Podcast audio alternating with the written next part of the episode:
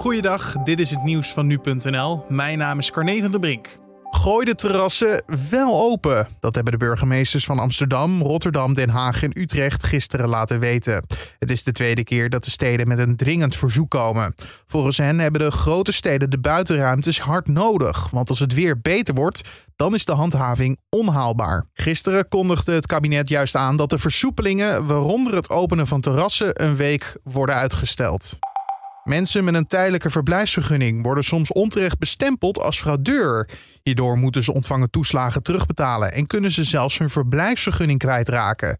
Dat schrijft Trouw op basis van een wetenschappelijk artikel in het Nederlands Juristenblad. Het beleid van de IND doet denken aan de toeslagenaffaire. De overheid wantrouwt een groep kwetsbare mensen en dat heeft vergaande consequenties, zo schrijven de wetenschappers. De corona-zelftests zijn populair. Volgens de voorzitter van de apothekenorganisatie KNP zijn er al 200.000 stuks verkocht. Dat staat in het AD.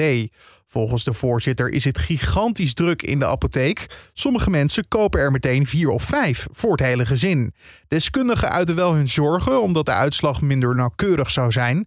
De experts zijn ook bang dat mensen na een positieve zelftest niet meer de moeite nemen om naar de GGD te gaan, waardoor de overheid geen zicht meer heeft op alle coronabesmettingen. Harvey Weinstein zou in het geheim wederom zijn aangeklaagd wegens verkrachting.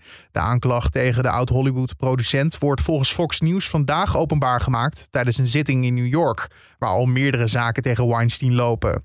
In de staat Californië wordt Weinstein nu aangeklaagd voor elf zaken, onder meer verkrachting, aanranding en mishandeling.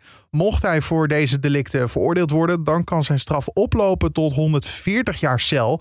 Wat inhoudt dat de 69-jarige Weinstein nooit meer vrijkomt. En tot zover de nieuwsupdate van nu.nl.